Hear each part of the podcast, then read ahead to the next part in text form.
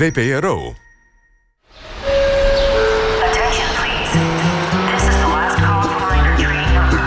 Bureau Buitenland, Nachtexpress.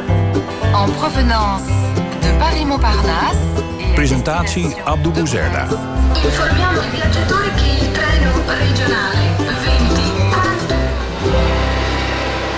50% heeft tegen de sleepwet gestemd. Het kabinet gaat nog een keer goed kijken naar de wet. In China heeft de overheid alle informatie over haar burgers nu al onder één digitale knop. Van basisschoolrapporten, verkeersboetes tot klachten van bejaarde ouders aan toe... die vinden dat je, ze, dat je ze te weinig opzoekt. En als je er een zootje van maakt... dan word je bijvoorbeeld de toegang geweigerd tot het openbaar vervoer. Goedenacht en welkom in de laatste uitzending van onze nachtreis langs bijzondere wereldsteden.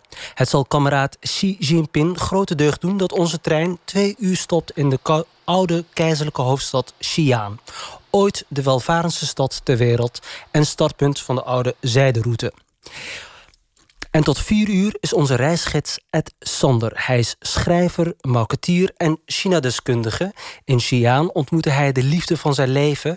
en met haar runt hij China Talk... waarbij ze met veel passie over de laatste ontwikkelingen... uit het Aziatische land berichten. Dit is de laatste stop, halte 12, Xi'an. En daar gaat iets uh, mis. iets enthousiaste nummer in uh, gestart, maar dat maakt niet uit. Dan verwelkom ik gewoon mijn gast, Ed Sander. Ed Sander, een goede nacht en welkom in de Bureau Buitenland Nachtexpress. Dankjewel. Jij kwam de eerste keer aan in Xi'an per trein um, op dat station. Neem ons mee. Wat zien we als we daar uitstappen uit dat uh, station? Ja, klopt ja. Ja, ik, ik was inderdaad vanuit Beijing uh, vertrokken met de trein naar Xi'an. En uh, twee dingen die opvallen op het moment dat je het treinstation verlaat in Xi'an... is dat je enorm veel mensen ziet op het grote stationsplein. Die uh, groot gedeelte is aan het wachten tot de trein, de uitgaande trein arriveert... waar ze mee de stad verlaten. Maar wat je meteen opvalt is dat er achter dat grote stationsplein... ligt een enorme stadsmuur uit de, de, de Ming-dynastie. Die, um, dat is een stadsmuur die is bijna 15 kilometer lang... en die loopt om het centrum van de stad heen. En je krijgt eigenlijk per direct krijg je een enorme golf van historie krijg je over je heen. Wat, 15 kilometer omtrek. Dat betekent dus dat die stad uh, vroeger al heel groot was. Ja, en dat is eigenlijk het, het, het centrum, het administratief centrum van, uh, van de stad... waar die uh, stadsmuur omheen loopt. Maar de stad zelf is nog vele malen groter geweest dan dat. maar je krijgt eigenlijk meteen dat, het gevoel van... nou, ik ben ergens aangekomen wat, in, op een plek waar echt heel erg veel historie is. Ja, ja. En wat bracht jou naar deze stad? Um, ik ben in China terechtgekomen omdat uh, ik in, uh, toen ik een jaar of veertig was... heb besloten om een paar jaar vrijwilligerswerk te gaan doen. Uh, ik had al veel gereisd in verschillende landen in Azië. ik had me ook meer verdiept in, in het boeddhisme. En ik heb daardoor de beslissing genomen om te kijken... of ik met mijn eigen vaardigheden en kennis iets kon doen... voor mensen die het gewoon wat, wat minder hebben aan de andere kant van de wereld. Uh, dus ik heb me voor een uh, vrijwilligersorganisatie heb ik me opgegeven. Ik heb uh, een assessment gehad. Een, een paar best, wel, best wel pittige trainingen. Om je voor te bereiden op cultuurverschillen en dergelijke. Mm -hmm. En vervolgens ga je een database in.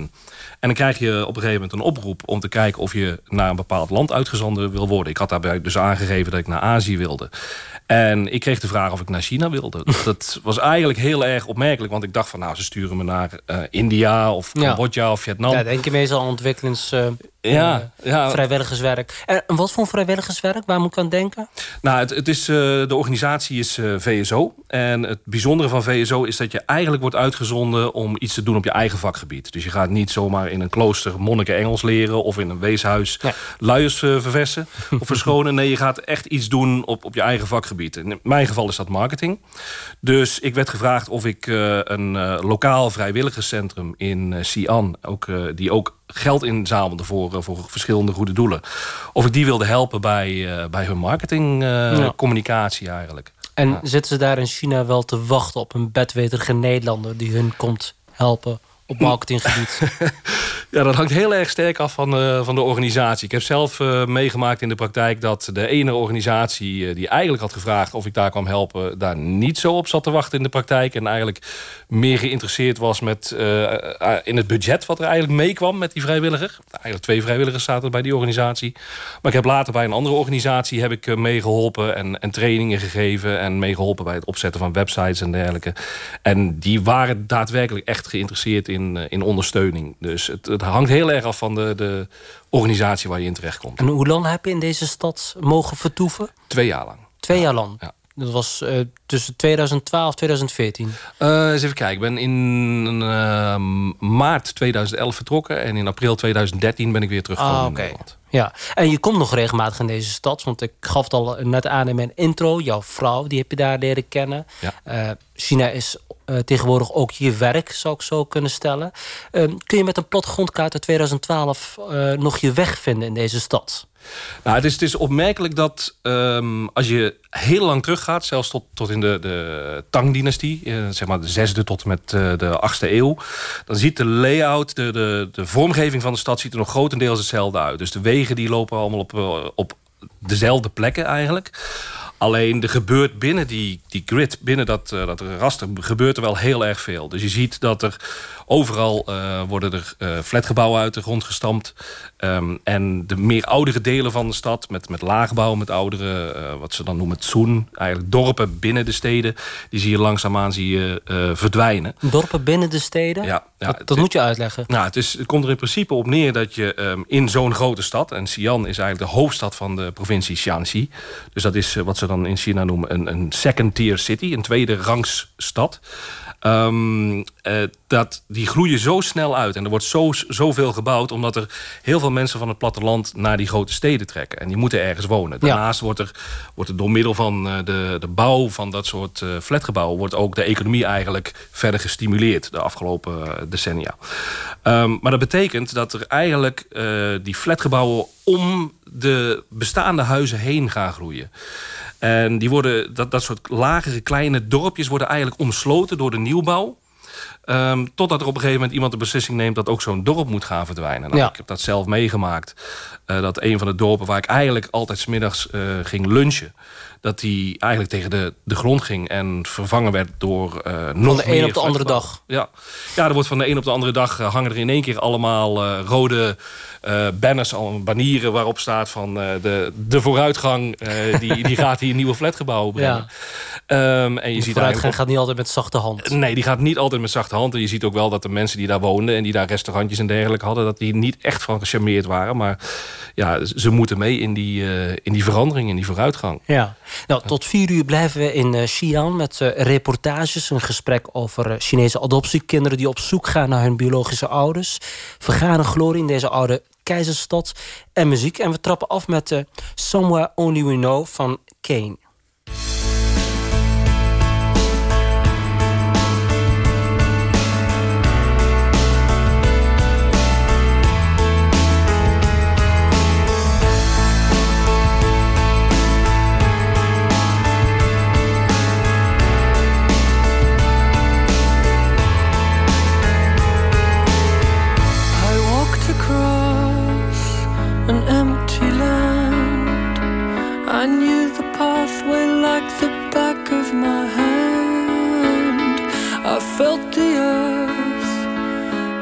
My feet Sat by the river and it made me complete Oh simple thing, where have you gone?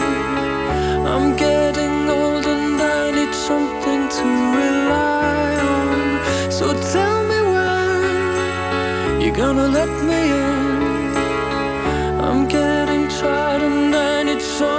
to begin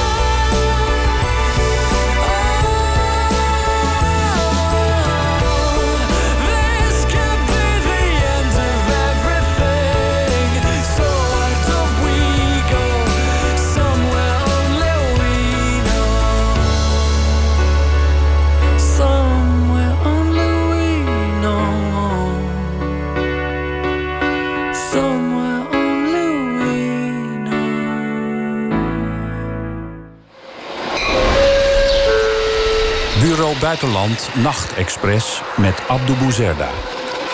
En we zijn in het hartland van China, Xi'an. Hier is het moderne China ontstaan. Marco Polo schreef over de rijkdommen van deze stad. En of Marco Polo echt geleefd heeft, daar verschillen de meningen over. Maar Xi'an bestaat toch echt. En onze reisgids Ed Sonder kan het bewijzen. Toch Ed? Ja, want uh, je hebt daar dus uh, twee jaar gewoond. Uh, een zeer historische stad. Ehm, maar neem ons mee, ehm, leg om te beginnen uit waar je precies gewoond hebt. Um, nou, zoals ik al zei, het, het is een enorm grote stad... die met name tijdens de, de Tang-dynastie, de zesde tot, tot met de achtste eeuw... heel erg sterk uitgegroeid is. In het midden van de stad heb je eigenlijk de stadsmuur liggen. Dat is het oude administratieve centrum is het geweest. Ikzelf heb ik in het, zeg maar het zuidwesten van de stad gewoond. In een buurt die heet Kaohsiung.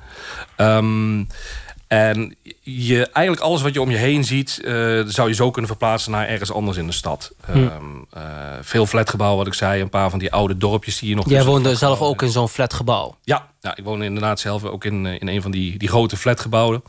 Um, wel een van de, van de oudere uh, flatgebouwen in, in die streek. Um, maar alleen al om naar het centrum te komen, om zeg maar naar de stadsmuur te komen. Want de, de, de leukste bars en restaurants en dergelijke, die, die vond je toch wel in het centrum. Uh, daar was je al drie kwartier kwijt met het openbaar vervoer. Met de bus om daar te komen. Dus dat geeft je een beetje een idee van hoe enorm groot zo'n stad is. Ja, en als we het over inwoners hebben? Het aantal inwoners van Sian, dat hangt een beetje af wat je allemaal meerekent. Uh, zeg maar, Ook die dorpjes tussen die flatgebouwen? Ja, het, het, steden, het stedelijke Sian, dat zal denk ik uh, zo'n 4 tot 5 miljoen inwoners hebben. Ja. Maar als je de omringende dorpjes op het platteland nog meerekent... dan kom je al snel tot een, tot een 7, 8 miljoen. Ja. Dus uh, je en, bent er niet alleen in ieder geval. En in die wijk waar jij zat, uh, wat voor mensen wonen daar? Ja, uh, eigenlijk gewoon een dwarsdoorsnede van, van de, de Chinese samenleving die je daar tegenkomt. In de flatgebouwen, daar zie je vaak wat, wat meer de, de middenstanders. Hoewel niet, geen um, wijk was waar de, de meest rijke Chinezen woonden. Maar als je dus... Um, zo'n serie met flatgebouwen, die noemen ze een xiaochu. Als je je eigen xiaochu uitloopt en je gaat een, een, een straat verder, uh, loop je naar binnen... dan had je daar zo'n dorp liggen met, met laagbouw van twee, drie etages... waar je dan vervolgens de, voor een, een, een, euro omgerekend fantastisch kon lunchen. Dan kon je dumplings eten, dan kon je noedels eten.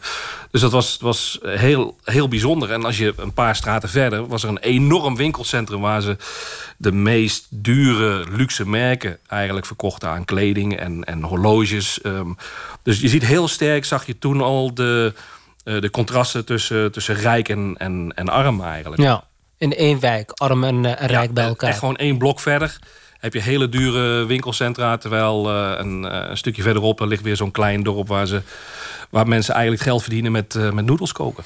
En dat uh, wonen, dat, dat doe je natuurlijk niet alleen. Althans, je zit wel alleen in een appartementje, maar je hebt buren. Hoe, hoe gaat dat? Uh, heb je ook echt een goede buren? En, en ja, je bent toch een buitenlander die daar tussenin ja. zit. Ja, nou, op het moment dat ik in Xi'an aankwam, sprak ik weinig tot geen Chinees. Ik heb dat, dat is niet zo handig als je in China bent. ja, dat, zeker in Xi'an is dat best lastig, want er zijn niet veel mensen die Engels spreken. Zelfs in de organisatie waar ik werkte hadden we twee universiteiten universiteitsstudenten die hielpen als tolk. Dus je hebt eigenlijk, zeker in het begin, heb je ook niet zo heel erg veel contact met, uh, met je buren. Ik denk ook dat de meeste uh, mensen, net zoals dat wij hier hebben, um, toch wel een beetje op zichzelf gericht zijn. En, en zich met name bezighouden met hun eigen leven. Mm -hmm. En als het dan vervolgens ook nog eens een keer uh, je buurman een, een buitenlander is die de taal niet spreekt, dan wordt het natuurlijk al erg moeilijk om te communiceren. Ja. Ja. ja. Maar op een gegeven moment uh, zit je daar, is een paar maanden en dan uh, bijna twee jaar. En dan kun je op een gegeven moment toch redelijk Chinees spreken. Ja, tot op zekere hoogte, want het is, het is een hele pittige taal. En uh, zeker als je veertiger bent, dan werkt het, het opnemen van een nieuwe taal in je hersenen werkt niet meer zo goed als dat je een, ja. een tiener was.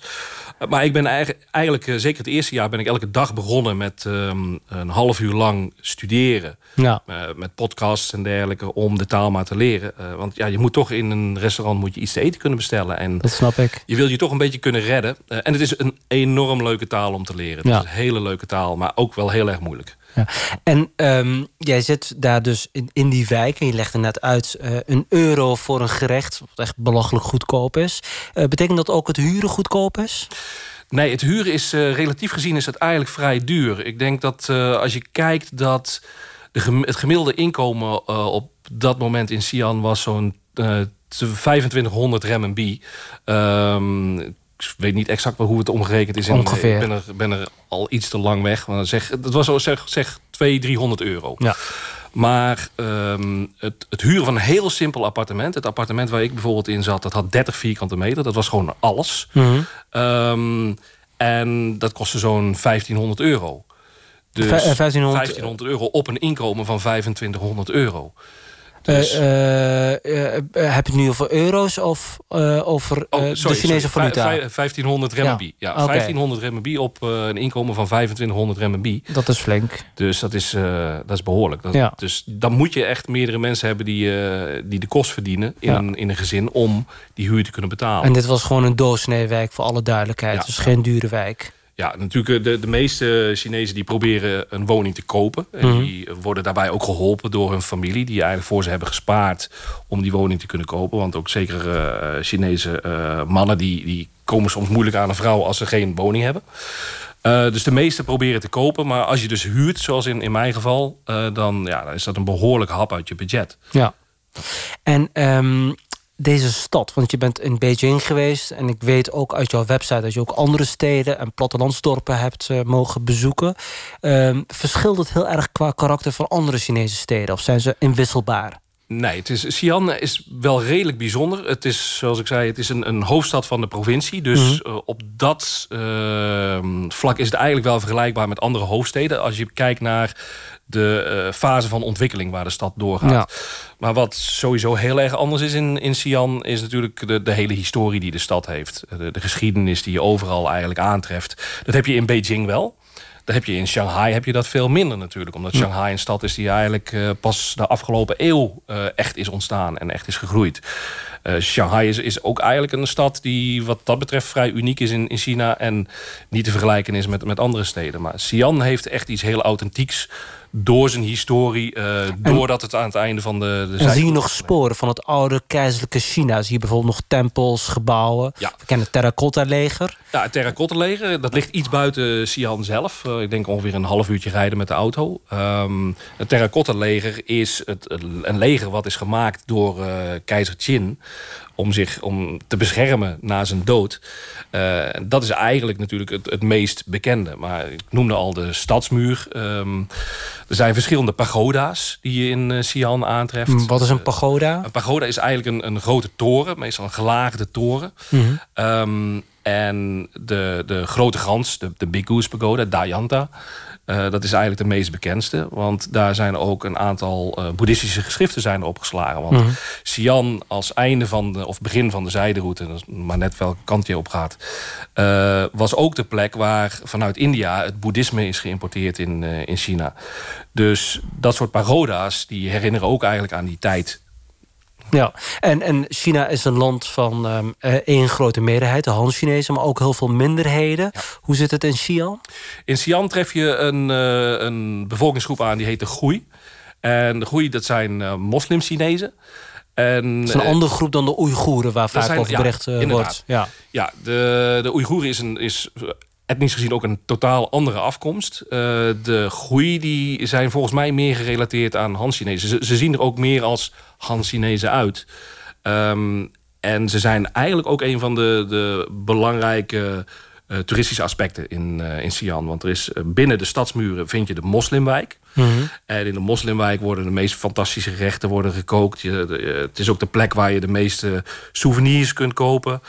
Uh, er is een, een grote uh, moskee die in die wijk ligt. Dus, dus ook de invloeden, zeg maar, de, de, de moslim-invloeden in uh, Xi'an... die vind je ook terug in het eten. Mm. Wat je aantreft in Xi'an. Ja. Over dat eten, dat, uh, daar gaan we aan het einde van dit uur verder over praten. Over het zogenaamde broodje Roger Moore. Dat moet je uh, straks uh, mij en de luisteraars uitleggen. Um, en we gaan nu naar muziek. En straks gaan we het over daten in China hebben. Maar nu eerst Fireworks First Aid Kids.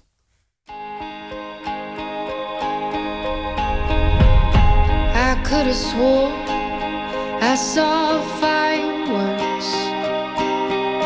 from your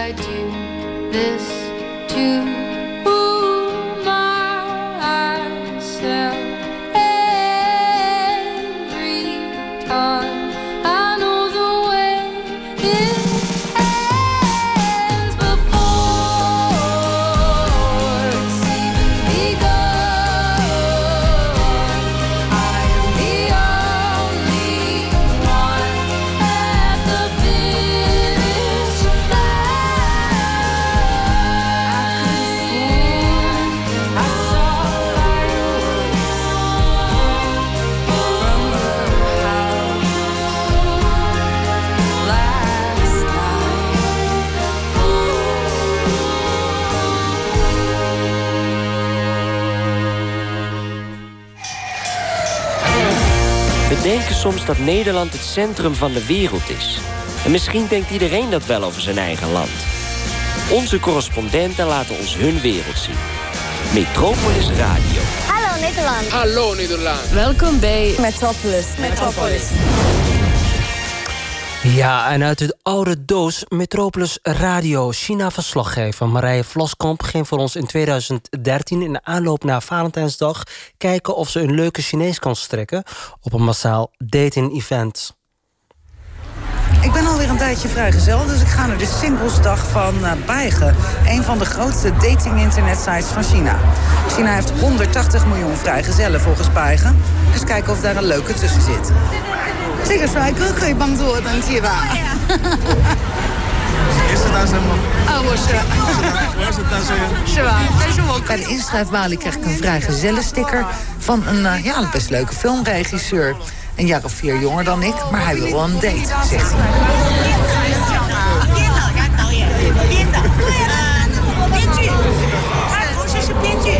In China, dat is een lawaaiige aangelegenheid met ontzettend veel mensen. En om te zorgen dat het uh, niet al te gek wordt met uh, de toeloop van het uh, datend publiek... staan er ook nog eens beveiligingsmannen met helmen omheen. Echt romantisch is dit, hoor.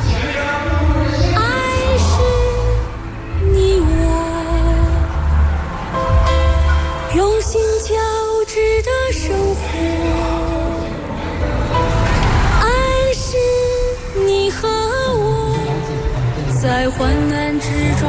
Je zou het niet zeggen met al die fanatieke datende vrijgezellen in dit eh, winkelcentrum. Maar China kampt met een echte huwelijkscrisis. Jongeren trouwen steeds later of zelfs helemaal niet. Want een jongen moet een auto en een koophuis hebben voordat hij ook maar een kans maakt. En dat hebben de meeste mannen gewoon niet.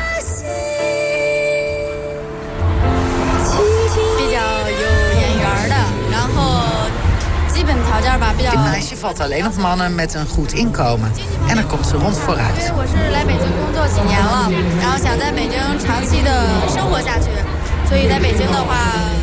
Al bij de eerste kennismaking wordt er een heel lijstje afgewerkt. Leeftijd, lengte, salaris. Een vriendje vinden, dat is net onderhandelen. Wanneer gaat hij een huis kopen? En wil hij de helft van het huis op de naam van zijn vrouw zetten? Hoe zit het met de rest van zijn vermogen? Hij Heeft hij een auto? Gevoelens, liefde, aantrekkingskracht, dat is allemaal niet zo belangrijk.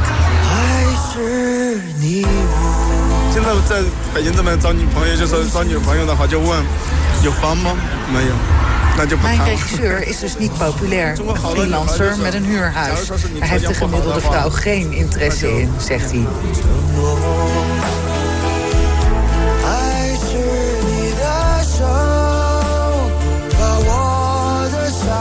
Er wordt zoveel gevraagd van jonge mannen dat er een tegenbeweging is ontstaan. Het naakte huwelijk. Een relatie waarin geld geen rol speelt. Het is niet populair en de naakte huwelijken die ik ken zijn allemaal gestrand. Maar scheiden is in China minder schandalig dan niet trouwen. Vrijgezellen staan enorm onder druk van hun ouders om voor hun dertigste onder de pannen te zijn. In China ben je echt abnormaal als je op die leeftijd nog niet getrouwd bent. Eh, die filmregisseur zegt dat hij ook binnen een jaar een bruiloft wil. Dat is wel schattig. Ze staan hand in hand elkaar te beloven dat eh, ze er werk van zullen maken om eh, serieus verliefd te worden. Omdat ik met zo'n sticker van de datingsite oploop, word ik aangeschoten door de vrijgezelle mannen. De een nog eh, onaantrekkelijker dan de ander. Stinken ook allemaal uit hun mond. En die willen maar één ding. Niet een avondje uit of wat drinken, maar nee, telefoonnummer en daarna huwelijksonderhandelingen. ik ga nu even bij de muuradvertenties kijken. Zien of daar iets tussen hangt. Die, muuradvertenties stinken in elk geval niet uit hun mond. Ja, en dat was eh, Marije Vloskamp in 2013. Of ze nog steeds vrijgezel is, eh, dat weet ik niet. Ed Sander, onze reisgids eh, in Xi'an. Jij hebt gewoon een Chinese vrouw gescoord, eh, Ed. Hoe heb jij dat voor elkaar gekregen? Nou ja, het is, de vraag is misschien meer hoe heeft zij dat voor elkaar Oh. gekregen? Ehm, ja, toen ik eh, als vrijwilliger vertrok naar China, toen was een, een nieuwe relatie was misschien wel het laatste waar ik op dat moment aan dacht. Ehm, en ik merkte dus ook gewoon, met, met name met, eh met, met expat-vrienden, dus andere buitenlanders, als je op een gegeven moment daar vrienden maakt en je. Je hebt na drie maanden heb je nog steeds geen Chinese vriendin. Dan beginnen ze je een beetje vreemd aan te kijken van... is er iets mis met jou? Ja. Um, maar ik was er eigenlijk helemaal niet mee bezig. Uh, maar uiteindelijk, uh, we hadden een, een clubje met uh, mensen uit verschillende landen. Er zat een Iranees bij, een Braziliaan, een paar Nederlanders. En, en we, we gingen regelmatig gingen we, naar karaoke. Mm -hmm. dus KTV, zoals dat heet in, in China. En dan gingen we met elkaar drinken en, en, zingen. Met een groep Chinese vrienden. En een van die, die dames uit die groep... die nam op een gegeven moment een keer een andere vriendin van haar mee. En dat was Soengooi. En uh, dat is, uiteindelijk is dat mijn, uh, mijn vrouw geworden. Het, de klik was er in eerste instantie helemaal niet. want ik vond er zeker voor Chinese begrippen eigenlijk best wel heel erg direct. Um, een beetje Nederlands. Een beetje Nederlands. En dat kwam, eigenlijk kwam dat wel doordat zij... Uh, heeft gewerkt uh, vijf jaar als, uh, als gids. -hmm. Als toeristengids voor, voor buitenlandse toeristen. En, en daarna vervolgens vijf jaar heeft gewerkt als studentbegeleider. Op een Chinese school waarbij ze heel veel samenwerkte met buitenlandse leraren. Dus zij was eigenlijk best wel sterk geïnternationaliseerd. En, Mhm. mm. en gewend om om te gaan met, met buitenlanders. En daardoor waarschijnlijk ook wat directer dan, dan de gemiddelde persoon die je tegenkomt. Maar uiteindelijk vond ik dat juist wel heel erg charmant. Omdat ja, de meeste eh, Chinese eh, jonge dames die zijn wel, wel heel erg lief, eh, om, om zo te zeggen. En iemand met wat meer pit, dat, dat vond ik uiteindelijk toch een stuk interessanter. En, en eh, in die reportage van Marije Vlaskamp horen we dat vrouwen heel graag willen weten of, of een man een auto heeft, een goede baan, een woning. Was zij daar bij jou ook heel erg in geïnteresseerd? Nee, eigenlijk helemaal niet. En het bijzondere, want ik heb op een gegeven moment... je gaat je natuurlijk, als je op een gegeven moment een relatie krijgt... ga je wel afvragen van... eh, is dit om zuivere redenen? Het kan altijd zo zijn dat iemand om de verkeerde reden ge- geïnteresseerd is in je. Ehm, dus ik heb daar ook veel met mijn, eh, mijn vrienden daar destijds over gesproken. En eh, met name op het moment dat wij een keuze moesten maken... om samen terug te gaan naar Nederland en, en om te trouwen... toen heb ik me wel afgevraagd van... is, is dit allemaal, klopt dit allemaal? Klopt deze Mm. relatie helemaal? Is het om de juiste redenen? En hetgene wat me het meeste bij is gebleven... is dat op een gegeven moment een, eh, een van mijn vrienden tegen me zei... van ja, maar Ed, jij bent een vrijwilligerswerker... en je verdient 250 euro per maand. Als zij niet om de juiste redenen geïnteresseerd zou zijn in jou... dan had ze waarschijnlijk wel iets beters kunnen vinden dan Ja, jij. en dan is er het eh, moment dat jij kennis moet gaan maken met de ouders. Ja. Eh, want op een gegeven moment wil je met haar gaan praten. Dat is om administratieve redenen ook eh, makkelijker, want ze moet met jou mee naar Nederland. Eh, hoe ging dat? Nou, dat ging wel eigenlijk heel erg leuk. Want haar ouders die komen uit de stad Datong in het noorden. En die waren naar Xi'an gekomen. Onder andere om, om kennis te maken met mij. Eh, dus we zijn samen gaan eten met z'n eh, vieren. Eh, waarbij ik in, in mijn beste Chinees een paar dingen heeft, heb uitgelegd. Maar mijn vrouw eigenlijk toch nog met name optrad als, als tolk. Ook omdat mijn schoonouders die spreken in een lokaal dialect... wat toch wel sterk verschilt van het, standaard Putonghua, het Mhm. standaard Mandarijn. Ehm, en ik, ja, ik moest mezelf natuurlijk een, een beetje neerzetten. En ik heb gelukkig hele ruimdenkende schoonouders... eh, waar, ik, waar ik heel erg blij mee ben. Alleen wat ik toch wel met name moest uitleggen... is waarom ik in hemelsnaam een goede baan had opgezegd Ja. in Nederland... en was vertrokken naar China. raar, hè? Om daar dus inderdaad voor vij- eh, 250 euro eh, vrijwilligerswerk te gaan doen. Dat was iets wat gewoon heel erg raar was. En wat ze, wat ze niet begrepen, wat ik een aantal keer heb uit moeten leggen. Maar toen uit- uiteindelijk het kwartje viel, toen hadden ze wel zoiets van... nou, oké, eh, als hij straks teruggaat naar Nederland... dan heeft hij weer een normaal inkomen. Het is in ieder geval iemand met een goed hart, schijnbaar. Anders zou hij geen vrijwilligerswerk doen. Dus, dus vooruit. Daar Ja. durven we onze dochter wel aan toe te Dat vertrouwen. goede hart, dat speelt toch nog een rol bij eh, partnerkeuze. Ehm, jij vertelde dus dat je vaak in die karaokebar zat. En eh, ik ben dan benieuwd of je dan ook Chinese liedjes meezong. Mm, soms wel. Het, Oh ja? Ik deed soms moeite om, eh, om bepaalde nummers eh, inderdaad eh, te leren. Ehm, en wat je vaak zag is dat er eh, soms de, de buitenlanders met een telefoon in de hand... waarin dan eh, de pinyin stond, zeg maar. Oh, dat fonetische Chinees. Fonetisch Chinees inderdaad, Ja. want eh, we, we kenden onvoldoende Chinese karakters... om eigenlijk de ondertiteling die je in dat soort nummers hebt bij Ja. karaokebars... om die mee te kunnen lezen. Dus dan stonden we op een telefoon met pinyin... stonden we eigenlijk mee te zingen, of in ieder geval een poging Ja. doen om, om mee te zingen. Dus. En is het Chinees, Chinese muziek iets om aan te horen? Ehm, ik ben niet heel erg een, een, liefhebber van Chinese muziek. Ik vind dat eh, als, je, als je naar Chinese muziek kijkt, dan is dat een beetje vergelijkbaar. Zeg maar, het, het- de popmuziek die je nu hebt, Mhm. met eh, K-pop, Koreaanse pop, eh, Taiwanese popmuziek. Ehm, en het, het is heel erg zeg maar, het, het techno-achtige wat wij in de jaren negentig hadden. Ja. Zie je nu heel erg sterk. Maar er zijn uitzonderingen. Ja. Dat, je, dat je wel iets heel leuks tegenkomt. En één uitzondering die heb jij voor ons eh, meegenomen. Die mag jij zelf aankondigen. Dat, is- dat is een bijzonder nummer. En dan mag je ook gelijk eens zeggen wa- wat het betekent. Ja. Nou, het is, is een band, eh Longshan Dao. Dat betekent de, de, weg, of de, de weg van de drakengod. eh letterlijk vertaald. Ehm, het is een reggae-band. Eh, nou, reggae vind ik op zich wel leuk. Ik ben geen enorme liefhebber van reggae. Maar wat ik met name leuk vind van deze band... is dat ze Chinese invloeden combineren met reggae-muziek... wat heel erg vrolijk is. Ik heb de band ook een keer mogen zien in Xi'an. En het, eh, nummer heet eh Yongbao. Ehm, je hoort in de tekst eh, direct ook van... Uh, Ogenige Yongbao. En dat betekent, eh, ik geef je een dikke knuffel. Een dikke knuffel. Jonbouw. 方，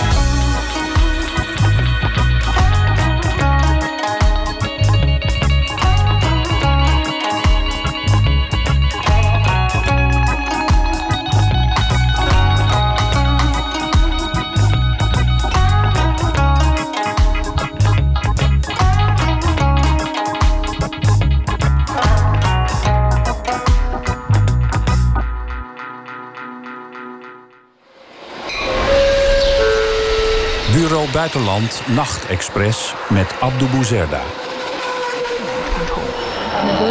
If if they are doing good，我想对生父母说，我现在很好，不会怪他们。我想念他们，也爱他们。我希望重建和他们的联系。En dit is een eh, fragment eh, van een Chinese regionale zender... met een Nederlands-Chinese Shushu... die op zoek is naar haar biologische ouders in China. Ze zegt, ik ben niet boos, ik mis ze en ik wil ze leren kennen. De 21-jarige Carlijn Wu heet ze tegenwoordig in Nederland... en zij is niet de enige. Veel Chinese adoptiekinderen komen nu op de leeftijd... dat ze op zoek gaan naar hun wortels. Bureau Buitenland-collega Cindy Huigen, zelf ook als peuter geadopteerd. Goedenacht. Goedenacht, Abdu. Ja, jij en je zusje zijn ook ehm, geadopteerd. eh, en je zusje komt toevallig ook uit Xi'an. Ehm, eh, misschien moet ik daar maar eens maar eh, bij gaan beginnen. Toen jij jong was, toen ben je ook samen met je ouders en je zusje naar Xi'an gegaan.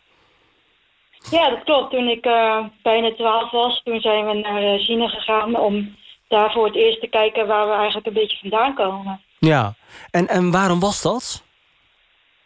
Ehm, omdat ik toen eh, in een periode zat dat ik het wel, eh, zeg maar in die identiteitscrisis, die vaak wordt beschreven als je geadopteerd kind bent, Mhm. eh, daar zat ik heel erg in. Dat ik niet zo goed wist, ben ik nou Nederlands, ben ik nou Chinees en waar kom ik dan vandaan? Dus toen dachten mijn ouders, nou, nu moeten we echt eventjes actie ondernemen en teruggaan naar China, zodat Cindy een beetje een idee heeft van, nou, dit is het land waar ik vandaan kom. Ja, en ehm, je bent dus als jong kind bij je naar eh, Xi'an geweest, in dat eh, kindertehuis. Daar heb je ook van een foto gepost op de Twitter.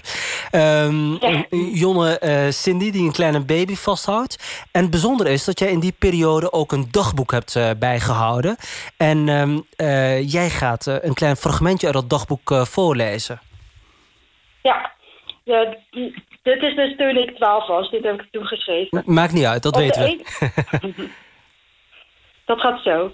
Op de ene hoogste verdieping was het kinderthuis. Op de andere verdiepingen was het weeshuis. Eerst moesten we onze handen wassen en slippers aantrekken. Al deze kinderen hadden wel een handicap. De meeste kinderen hadden een hazenlip. Maar er waren er ook met één hand en andere dingen. Eentje had blond haar, maar was wel een Chinees. En er was er zelfs een met zes vingers aan één hand. Ze lieten een meisje zien wiens hazenlip geopereerd was. Dat was keurig gedaan. Ik vond haar nog wel gaan. De rest was een beetje eng. Ja, en, en eh, ehm, dat is heel goed en coherent geschreven door een kind van 12 jaar. Ehm, eh, dat vooropgesteld. Maar er maar- zaten wel wat... eh Ja, er zaten wel wat typfoutjes hoor. Dat, maakt, dat maakt niet van niet uit. Dat kunnen de luisteraars toch niet horen. Dat heb je goed uitgesproken. Maar wat opvalt is dat heel veel van die kinderen dus... Ja, het is niet netjes om te zeggen, maar een soort van eh, mankementen aan hebben. Dus er is allemaal iets, iets mee. Eh, eh, waren dit nou toevallig kinderen die je beschreef... of gold het voor al die kinderen daar? Nou, het is wel zo dat er uit China heel veel kinderen komen met een mankement. Mhm. Dat, maar er zijn ook heel veel gezonde meisjes die eruit uitkomen. Hm. Maar het punt was toen mijn zusje werd gehaald, want dit is het, dus het kinderthuis van mijn zusje.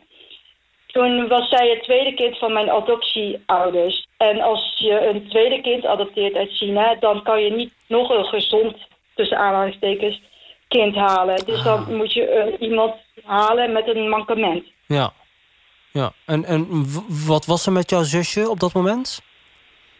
Mijn zusje die had iets met de oog. Als zij in China was gebleven, was ze wellicht blind geworden. Maar hier in Nederland eh, was het eh, te te verhelpen met een paar bezoekjes aan de oogarts en een bril. Ja, en je zegt, eh, het zijn dus kinderen met een gezondheidsgebrek. in het geval van je zusje slechtziend. of gezonde meisjes. En hoe zit het dan met de jongens? Zitten er dan geen jongens in die huizen? Nou, dat is dus het punt. Als er al jongens worden afgestaan in China, dan zijn dat echt jongens met een beperking. Dat kan ofwel lichamelijk ofwel geestelijk zijn. Hmm. Ja, en, en eh, eh, eh, kijk, ik ben een groot fan van, van het programma Spolo's en dat soort programma's waarbij kinderen die geadopteerd zijn op zoek gaan naar hun biologische ouders. Maar ik kan me niet heugen dat ik een kind, een Chinees kind, aan zo'n programma heb zien deelnemen. Hoe, hoe kan dat? Ja, dat vroeg ik me ook altijd af toen ik jong was. Tegenwoordig weet ik dat antwoord wat beter, omdat ik me heel erg erin verdiept heb. En dan ook, ook, omdat ik heel veel in China gestudeerd heb en Chinees heb gestudeerd. Maar dat komt dus eigenlijk omdat adoptie in China pas in de jaren 90 echt op gang kwam. Je ziet wel dat er in de jaren 80 tot en met 90 zijn er wel wat kinderen uit China geadopteerd. Eh, dat is minder dan 100 wereldwijd. Maar in de jaren 90 kwam echt die stroom op gang. En hoe komt het nou? Dat komt voornamelijk omdat in 1992 pas officieel door China werd toegestaan dat buitenlanders Chinese kinderen adopteerden. En Hmm. toen was er echt een enorme run op die kinderen, door, ook onder Nederlanders. En in 1998 wa- was China echt het grootste land van herkomst voor adoptiekinderen wereldwijd. Ja. Nou, die kinderen van de, de, jaren 90, die worden nu pas een beetje volwassen. En die kunnen nu dus pas beslissen van, oh, ik wil eh, mijn biologische ouders terugvinden. Bijvoorbeeld eh Shushu, die op eh, de regionale zender in China werd opgevoerd. Eh, zijn er uitzonderen of zijn er echt heel veel van dit soort berichten in, in Chinese staatsmedia? Dat worden er echt steeds meer. Niet alleen van Nederland, maar ook internationaal. Er zijn echt heel veel berichten bekend van eh, vrouwen vaak dus. Mhm. Die naar, eh, China, naar China gaan en daar regionale media inschakelen. En soms zelfs landelijke. Om daar hun biologische ouders te vinden. En dat is echt een opkomst van de afgelopen ja, vijf jaar ongeveer. Ja, en, en dit zijn staatsmedia. Betekent dat de regering dit ook omarmt? Dat zij het eh, een goede ontwikkeling vinden? Nou ja, je zou kunnen zeggen dat alle media in China staatsmedia zijn. Maar ja, dat, eh, dat vindt eh, denk ik de regering echt wel een goede ontwikkeling. Ja. Er gaat ook theorieën dat adoptie werden gebruikt om China in een beter eh, daglicht te zetten. Mhm. Dus dat zou daar ook wel iets mee te, kunnen, te maken kunnen hebben. Ja. En ehm, hoe zit het dan met de, de gewone Chinees? De taxichauffeur, de, eh, de niet-ambtenaar, dus degene die niet het be- beleid eh, bepaalt. Hoe, hoe kijken zij naar dit fenomeen? Als je met hun erover Ja, ik, eh, praat. Ja, ik heb dus vaak in China gestudeerd en dan praat ik inderdaad met die taxichauffeurs en die man op straat.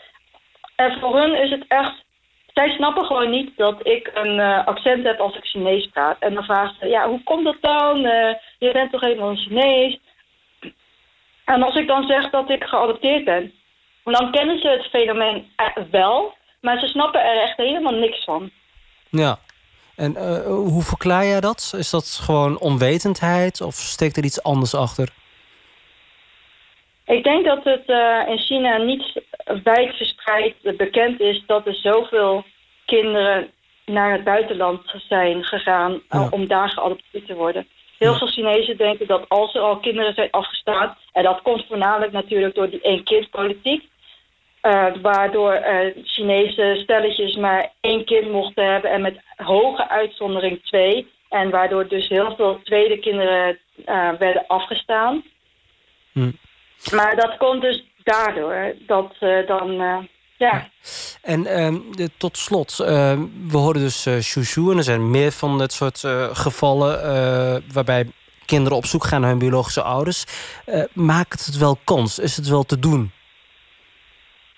Dat wordt steeds beter te doen, ook omdat er eh, nu een markt begint te komen waarbij bedrijven ook gaan helpen met de roetsvinding. en dan kun je dus eh, zo'n bedrijf steeds vaker een beetje inschakelen. En eh, omdat er dit soort verhalen bekend worden, wordt er ook steeds beter bekend welke weg je als geadopteerde zou moeten aflopen om je biologische ouders te zoeken. En heb jij zelf al zo'n poging gewaagd?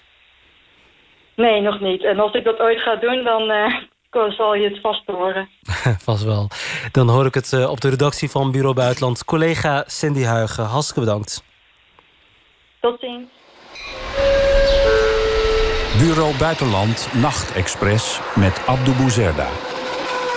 En we zijn in Xi'an, waar langs de zijderoute vreemde exotische producten en gebruiken uit oude China binnenkwamen. Ed Sander, eh, laten we bij het eten beginnen. Eh, wat, eh, wat merk je daarvan in eh Xi'an als je eh, nou ja, iets gaat bestellen in een restaurant? Ja, wat je zegt, eh, er is langs de zijderoute is er heel veel invloed is er naar Xi'an gekomen. En, eh, dat merk je onder andere in het eten. Ehm, je hebt eh, bijvoorbeeld eh, ehm, Young Roll Palmo. Dat is een, een, een soort van noedelsoep waar je brood, waar je een pita broodje eigenlijk in verbrokkelt. En daar zit dan vervolgens lamsvlees in. Die kun je overal in, in, het moslim, in de moslimwijk waar ik het eerder over had, kun je die vinden. Ehm, maar dat pita broodje vind je bijvoorbeeld ook terug in de rojamo. En Rojamo? rojamo, de rojamo is, is letterlijk... dat is de rojamo. dat is de rojamo. Eh, let- letterlijk betekent het eh, ehm, eh, vlees tussen een broodje. Mhm. Ehm, maar de meeste buitenlanders die naar Xi'an komen... die hebben wat moeite met eh, de Chinese uitspraak en de Chinese tekens. Dus die be- bestellen meestal een Roger Moore. Eh, en dan weet de lokale bevolking wel wat ze bedoelen. En, en de lokale bevolking weet ook inmiddels wie Roger Moore is. dat, nou, dat betwijfel ik. Ik denk Ja. dat ze nog steeds denken dat die uitspraak van die buitenlanders niet zo heel erg goed is. Dus, Nee, eh, nee. dus dat, ja, dat zie je. En een ander gerecht is Biang Biang Mien bijvoorbeeld. Dat zijn noedels die, die zijn zo breed als zeg maar een, een, een broekriem. Mhm. Dus echt fantastisch eten. Wat, wat, je, wat heel specifiek is voor Xi'an. Ja, en dat zijn gerechten die vanuit India, Centraal-Azië allemaal Xi'an binnen zijn gekomen... en onderdeel zijn geworden van de identiteit. Ja, klopt. Ja, er zijn zelfs bepaalde gerechten waarbij Italië en China van mening verschillen over wie het, het gerecht eigenlijk heeft uitgevonden. Oh ja? Bijvoorbeeld de Dat? noedels en Ah, dus we- ja. komen de spaghetti gerechten en, de- en pasta gerechten uit China of Ja. Komen die uit Italië via de zijderoute naar China toe? Dus ja, want zijn- ik zag eh, zelfs op een YouTube-filmpje eh, eh, een Chinees uit Xi'an beweren dat de hamburger, en dat bedoelde hij dus het broodje Roger Moore mee, uit China komt. En dat het helemaal geen Amerikaanse uitvinding is. Het is toch echt een Chinese uitvinding. Ja, dat, dat is ook wel typisch Chinees om, te, om dat soort uit- uitvindingen te claimen natuurlijk. Dus, Ja. eh, En eh, behalve het eten zijn er natuurlijk meer gebruiken. Misschien wel het belangrijkste. De religie is binnenkomen waaien. Via de voordeur bij eh Xi'an. Dan heb ik het over het boeddhisme. Wanneer is dat ongeveer gebeurd? Dat is, als ik het goed heb, tijdens de Tang-dynastie Mhm. is dat ook gebeurd. Dus van de zesde tot, tot met de achtste eeuw. Ehm, zijn er een aantal monniken die zijn naar India gereisd... om daar eh, eh, bepaalde sutra's eigenlijk te kopiëren... en mee terug te nemen naar Xi'an. Toen En- al gingen de Chinezen op zoek naar informatie om te kopiëren in het buitenland. Ja, inderdaad. Ja. Beetje flauw, maar eh, ga vooral verder. wa- Want dan ben ik benieuwd. Dan komt het aan in China. Is het dan ook een, een, een Indiase boeddhisme wat wortels schiet in China? Of, of is het een, een andere vorm van boeddhisme? Nee, het is, het, is het eh, eh, wat ze noemen het, eh het Chun-boeddhisme. Ehm, wat zich heeft eh, gevestigd in, in China. En eh, met name rondom die eh, grote gans-pagoda. De Mhm. eh, Big Goose Pagoda in, in Xi'an. Ehm, en is, heeft zich daarna verspreid naar de rest van China. En, en boeddhisme is nog steeds één van de belangrijke stromingen naast Taoïsme. En de, de leer van Confucius. Voor wat betreft, ja, misschien niet zozeer religie, maar meer, meer filosofie. Waar de Chinese cultuur ook op gebaseerd is. Ja, en ehm, de, eh, betekent dat ook vandaag de dag eh, in Xi'an zeg maar, het epicentrum is van het boeddhisme in China? Eh, nou, boeddhistische tempels die vind je eigenlijk door heel China heen. Dus ik weet, ik weet niet of Xi'an daar zo centraal in is tegenwoordig. Maar het is, destijds is het wel tijdens de Tang-dynastie... het centrum geweest van waaruit zich het heeft verspreid over de rest van het land. Ja.